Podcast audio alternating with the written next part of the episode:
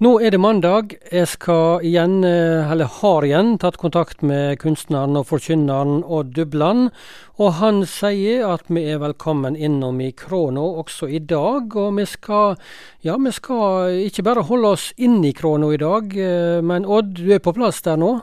Ja, jeg det her i krona mi på Ålgård her i Rogaland og venter på en sier det Inge Kallestad skal ringe. Det gjør han som regel hver mandag. Og det er en del bekymring med det, for hva skal jeg si til han? Det er det som er. Ja, og så eh, ringte jeg deg nå før sendinga i dag morges, og da sa du at du hadde hatt noe for deg i går kveld og notert litt, forsto jeg?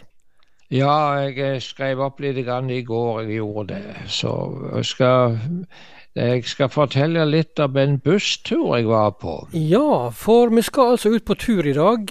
Dette er en busstur som ikke går av stabelen akkurat nå, men det er noen år tilbake? Ja, hvor lenge det er siden, det vet jeg ikke. altså, Men la, la oss si seks-sju år. Jeg, jeg, vet ikke, altså. Men uh, kanskje litt mer. Uh, det var en uh, busstur til Tyskland. Og det var en tur der som vi skulle liksom se litt på uh, forfedrene sine plasser der de var når det gjaldt troens ord. Og det var Martin Luther og eh, August Herman Franke og de som har betydd mye for evangelisk kristendom.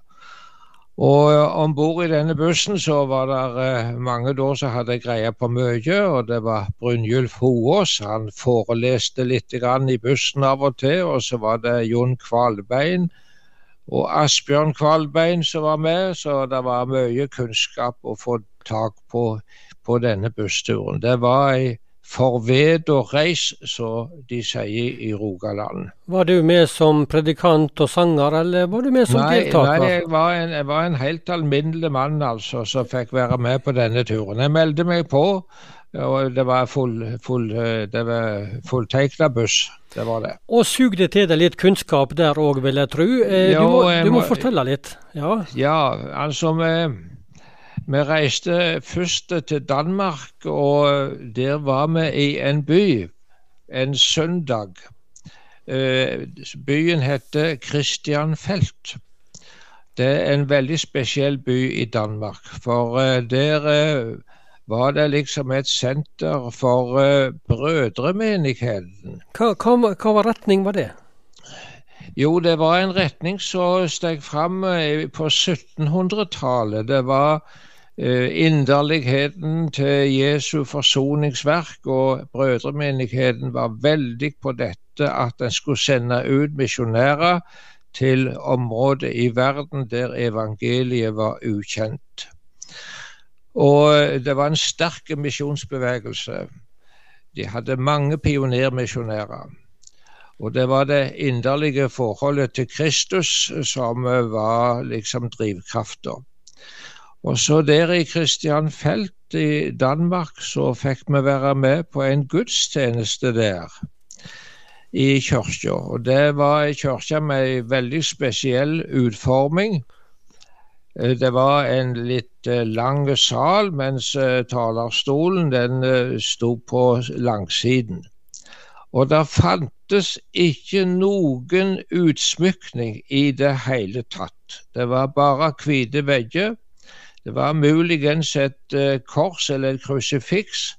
Ellers var det ingenting spesielt å se på av pynt. Og det var ganske bevisst fordi at uh, en skulle ha sin oppmerksomhet imot det som ble forkynt, og ikke la øynene flakke hit og dit og være opptatt med andre ting.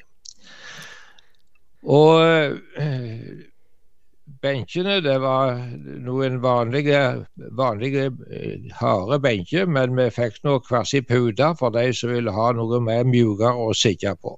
Så denne kirka i Kristianfelt i Danmark, den besøkte du altså på denne turen her? Ja, vi gjorde det. Og vi fikk høre ei preik der, og det var veldig greit. det var det. Men så, så reiste vi videre inn i Tyskland. Hva plasser besøkte dere der, da? Ja, Det var flere plasser der som Luther hadde virka og eh, borte ved slik. Og, men så var vi i en by som heter Dresden. Ja, fortell.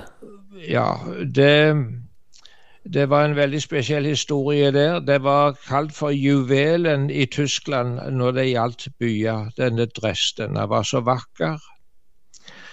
Men i eh, februar i 1945 så kom det et forferdelig bombereid av de allierte og la i grus hele byen. Også ei fine, store kirke. Det har blitt kritisert en del for de skulle finne på det der bombereidet som de allierte gjorde da. Det var 25 000 som mistet livet de dagene der. Og det er et forsiktig anslag. Det var grusomme ting. Men så ble byen bygd opp igjen, og kirka ble bygd opp igjen. Og det er gjort et ufattelig arbeid for å få alt på plass igjen. Og vi var inne i kirka der til en sangandakt, og der var det ikke spart på noen ting når det gjaldt pynt. Hvordan eh, var den utsmykka, da? Nei, det var, det var, så mye fint uh, som det kunne finnes på av pynt og slik. Uh, hvor mye gull og glitter var det igjen ikke, men det var veldig flott tillagt. Og så var det et kor som sang, og et flott orgel som spilt, de spilte på. Og det var Johan Sebastian Bach sine, sine lyder du hørte når du kom inn der. Så de som liker stas og prakt, eh, de kunne gå i den kirka der i Dresden. Og da tenkte jeg på det at eh, ja, en kan stemmes til andakt når en kommer inn slik en plass. Men så tenkte jeg på det, eh, må en oppsøke visse plasser når en skal stemmes til andakt. Ja, hva kom du til da? Ja, ja, er det visse plasser der Gud hører vår bønn bedre enn andre plasser? Og, og Jesus han sier det at når du vil be, så skal du gå inn i ditt lønnkammer. Og hva betyr det? Ja, hvor er lønnkammeret? Ja, hvor er lønnkammeret, ja. Det er de som tenker som så. Ja, et lønnkammer, da er det det. Du må gå inn i et rom der det ikke er noen lyder som forstyrrer deg. Der ingen ser deg, og ingen vet om deg, men det må være stilt omkring deg. Men saken er nemlig den jeg tror det går an at dette lønnkammeret kan du gå inn i samme hvor du er henne. Ja, sjøl om du går og klipper plenen med en motorklipper så kan du gå inn i ditt lønnkammer også der og be til Gud. For Gud har ikke gitt oss en plass der vi skal møte Han, men Han har gitt oss et navn, et Jesu Kristi navn, der vi kan møte Gud gjennom dette navn, hvor vi er, hva tid vi vil. For hvis det var slik at uh, det var plasser så Gud ville vi skulle gå til eller reise til, så hadde det for mange mennesker vært et økonomisk spørsmål. Men det er det ikke. Jeg tenker på muslimene, f.eks. En skikkelig muslim han skal en gang i året, så langt han kan få det til, reise til Mekka. Han må spare, spinke, spare et langt liv for å få dette til. Og da får han liksom noen poeng for Allah hvis han gjør det. Nei, slik sier ikke Bibelen. Vi har med oss et navn som jeg kan eh, be i til den store, store Gud. Og jeg skal vel lese et, et litt av en sang her som skildrer litt av det. Det var en sang som ble skrevet i 1927 av en mann som heter Nils Lavik. Og han skriver det slik i denne sangen. Og Jesus, ditt navn er det beste av alt det du synderen gav. I bønene hans fullkomne feste, i døden hans kjepp og hans stav.